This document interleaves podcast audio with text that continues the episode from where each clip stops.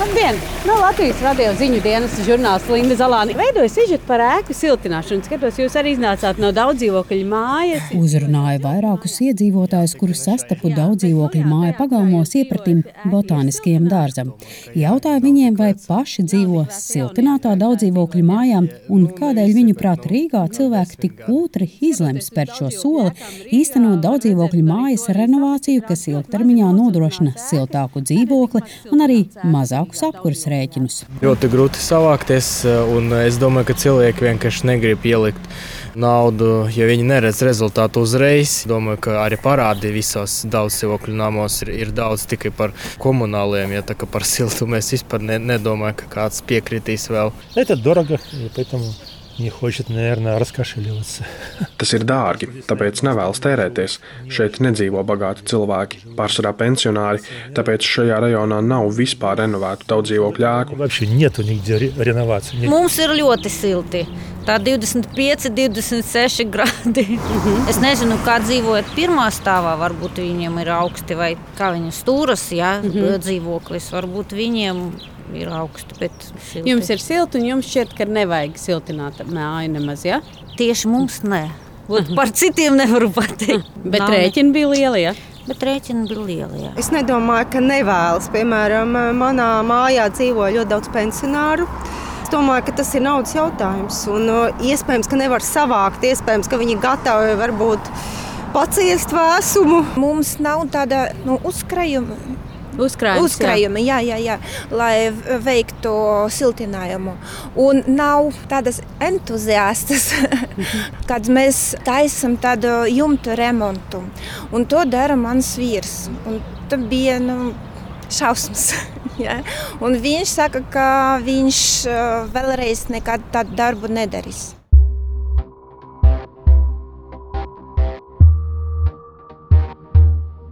Lai gan daudz dzīvokļu mājā visi dzīvokļu īpašnieki ir šī nama saimnieki, izņemot, protams, gadījumus, kad dzīvoklī dzīvo īrnieks, radinieks vai kāds paziņa, tomēr saimnieka domāšanas trūkums ir acīm redzams, un tas atspoguļojas arī graujošajos statistikas datos. Latvijā kopumā ir 16,000 daudz dzīvokļu mājas, kas būvētas padomju laikā un tās celtas no blokiem. 70% no šīm mājām būtu jāveic remonts teica ekonomikas ministrijas enerģētikas finanšu instrumentu nodaļas vadītājs Gatis Silovs. kas ir apmēram 11,000 mājas, viņām būtu liederīgi veikt renovāciju, jo tas vienkārši uzlabotu mājas tehnisko stāvokli. Ar renovāciju mēs saprotam, ko. Mēs saprotam ļoti plašā nozīmē, ja, jo principā jebkurai mājai reizes 20, 30 gados viņa būtu jāremontē. Nu, tas būtu normāli. Tas nenozīmē, ka viņā nevar dzīvot. Tas vienkārši nozīmē, ka nu, kaut vai izremontēt kāpņu telpu vai stāvvadus, trubas nomainīt, un pie reizes arī, piemēram, logi, durvis, un tās jau ir energoefektīvās lietas. Tad, principā, reizes 20, 30 gados mājas būtu jāremontē. Nu, praksa ir tāda, ka pie mums tas pēdējo 30 gadu laikā ļoti minimāli darīts. To nu, tā realitāte ir tāda, ka nu, jā, nu, nav ieguldīts pietiekami ēku stāvoklī. Statistikas dati nu dien nav iepriecinoši. Pēdējos 13 gados, kad Latvijā sākās daudz dzīvokļu māju siltināšanas programmas ar valsts atbalstu, kas būtībā ir Eiropas Savienības struktūra fondu grants, nosiltināts vien 1600 daudz dzīvokļu mājas, jeb tikai 10% no kopējā skaita, kurām tas noteikti būtu jādara. Līdz šim daudz dzīvokļu māju siltināšanā ieguldīti nedaudz virs 530 miljoniem eiro. Daudz dzīvokļu ēku siltināšanu var iedalīt divos lielos posmos. 2007. līdz 2013. gads, kad daudz dzīvokļu ēku energoefektivitātes programmu ieviesa Latvijas Investīciju un attīstības aģentūra, un 2014. un 2020. gada plānošanas periods, kad šo programmu ievieš attīstības finanšu institūcija Altum. Programmas ieviešanas termiņš ir 2023. gads.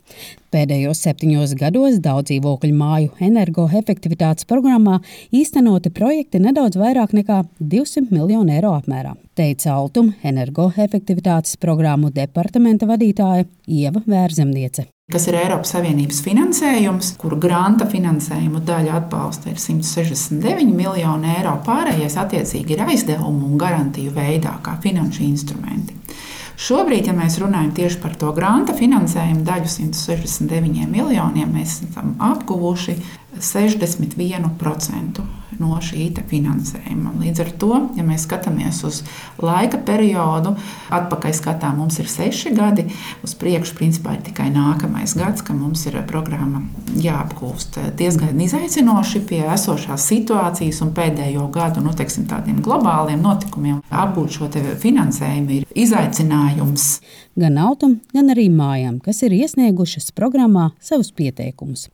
Pirmos sešos gados automa īstenotajā programmā ir pabeigtas 322 daudzdzīvokļu mājas, un procesā ir 93 daudzdzīvokļu mājas visā Latvijā. Vēl pietiek šī naudiņa kādiem nedaudz vairāk kā 300 projektiem. Ja, Šie projekti ir iesniegti programmā, viņi ir sagatavošanās posmā, vai nu viņi atlasa piegādātāju, būvnieku, kas cels, vai viņi pieņem lēmumu, vai viņi meklē bankas un piesaista bankas finansējumu.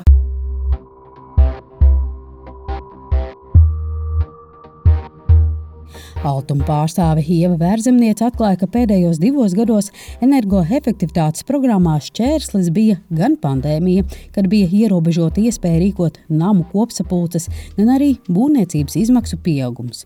Viņa min, ka ir arī daudz dzīvokļu mājas, kas programmā pieteicās, bet pagaidām ietur pauzi teorētiskā pasaulē pēc tās naudas stāvēt rindā. Praktiski ir objektīvi, ir subjektīvi iemesli, un pēc tās naudas rindā nestāv. Tas ir tas, kāpēc mēs, piemēram, daudz dzīvokļu māju programmā skubinam to naudu, paņemt privātā programmas. Pilnīgi noteikti neviens nav jāskubina. Tur ir tā, ka cilvēki paši ir gatavi visu izdarīt. Tā problēma ir, ka nav saimnieka. Tur, kur ir saimnieks, izdara un rūpējas par māju. Tur, kur saimnieka nav, tur nekas nenotiek. Pieticīgo pieprasījumu raksturo ekonomikas ministrijas pārstāvis Gatis Silovs. Pat labi atrodos Hanzas ielas un Vestas ielas krustojumā un tikšos ar Hanzas ielas astoņi daudzdzīvokļu ēkas īpašnieci, kur ir viena no aktivistēm, kura kopā ar citiem mājas iemītniekiem uzsāk šīs ēkas energoefektivitātes projektu. Sveiki! Sveiki. Līdz! Ir reizē jāpadara. No hokeja zaļas ēkas, kuru no vienas puses apjož sastatnes, iznāk smaidīga sieviete vārdā Klinta Harju kopā ar savu četrkājaino draugu Suni Pablo. Viņa stāsta, ka mājā remonts notiek kopš rudens. Lielas nērtības tas rada. Diezgan. Diezgan. Uh, bet tā kā raksta arī uz Latvijas ceļiem, tās ceļa zīmes, ka šobrīd ir nērti un pēc tam būs ērti. Tā kaut kā līdzīgi mēs arī mēģinām skatīties uz, eh, uz šo visu, kas tur notiek. Bija plānots, ka ap Ziemassvētkiem māja jau būs pilnībā renovēta, bet darbi ievilkušies. Iemesli ir vairāki. Jo pirmkārt ir problemātika ar eh, materiālu piegādi. Tā jau bija Covid laikā, bet es domāju, ka šobrīd eh, dēļ Ukrainas kara krīzes ekonomikā, es domāju, ka tas būs pat vēl sarežģītāk. Un, kā, ja mēs visu laiku domājām arī, ka mēs varbūt šo projektu taisām nelaikā, jo ir covid un uh, ir ļoti grūta būvniecība un dārgas cenas, tad īstenībā no šodienas acīm jau skatoties, ir skaidrs, ka tomēr mēs vēl esam uh, ielikuši varbūt.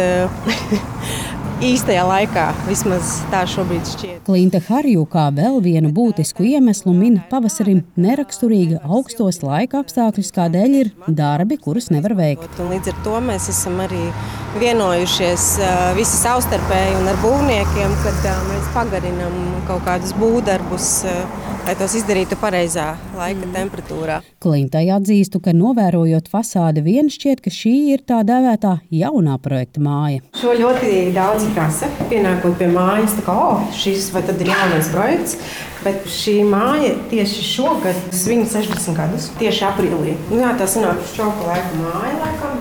Un viņa ir celta priekš laimes fabrikas strādniekiem. Klinta stāsta, ka dzīvokli šajā mājā iegādājās pirms sešiem gadiem.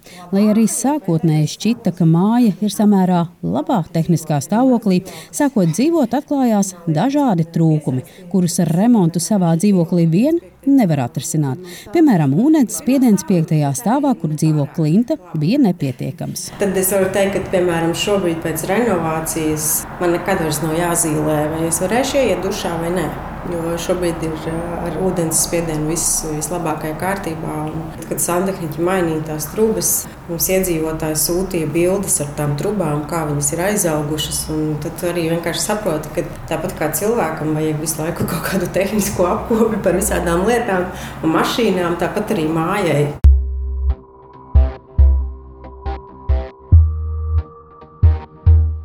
Lai arī Hanzas ielas astoņi nama iemītnieki jau sākuši baudīt ēkas renovācijas augļus, kas izpaužas nevien vienmērīgā un pietiekamā ūdens spiedienā, bet arī siltākā dzīvoklī, kas īpaši patīkami bija šajā apkurss sezonā, kad par siltumu viņiem bija jāmaksā gandrīz uz pusi mazāk nekā, ja māja nebūtu renovēta. Tāpat ir izremontēta kāpņu telpa, katrā dzīvoklī ir ielikti jauni logi un radiatori ar iespēju katra dzīvokļa īpašniekam pašam regulēt siltumu. Klinta gan neslēp, ka īstenot daudzdzīvokļu mājas renovācijas projektu ir grūti un sarežģīti. Lielākā daļa nama iemītnieku nevēlas neko darīt mājas kopējiem labumam un domā šauri sava dzīvokļa četru sienu rāmī. Tāpat kā arguments nē, renovācijai tika minēts aizņēmums bankā, kas jāatmaksā desmit un vairāk gadus. Klinta arī novēroja, ka cilvēki nevēlas klapatas, remontu, netīrumus, tāpat neizprot finansiālo iegūmu, lai gan ar aprēķiniem kopsapulcēs ir iespēja iepazīties. Klinta stāsta, ka ēkas renovācijas projekta virzīšana prasa enerģiju, pacietību, brīvprātīgu darbu vairākas stundas nedēļā un stiprus nervus, lai pārliecinātu šaubīgos. Negācijas un sliktie vārdi taupīti netika ne brīdī, kad bija jāsavāc 51% dzīvokļu īpašnieku atbalsts, lai vispār renovācijas projektu sāktu, ne tagad, kad renovācija rit pilnā sparā. Un tikai tad, kad jau kaut ko dara, tikai tad nāk kaut kādi komentāri, bet uh, iesaistīties projekta apspriešanā vai nu, nē.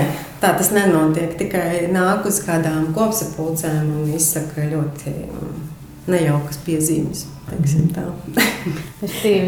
cīņa ir gan, lai vispār uzsāktu, un pēc tam cīņa ir arī ar, ar visiem iedzīvotājiem. Ar visiem iedzīvotājiem tā visa procesa jā, gaitā. Jā. Un tad tēt jūs jāgaida tikai tie darba augļi un, un labie vārdi. Ja?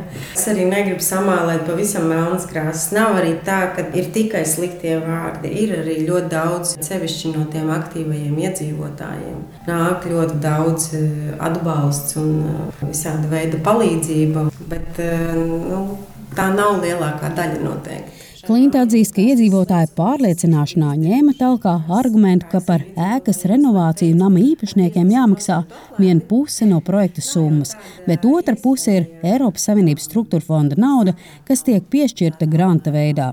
Ja šāda finansējuma nebūtu, tad nama iemītniekiem sakrāt naudu renovācijai būtu neiespējami. Linda Zalāne, Latvijas radio.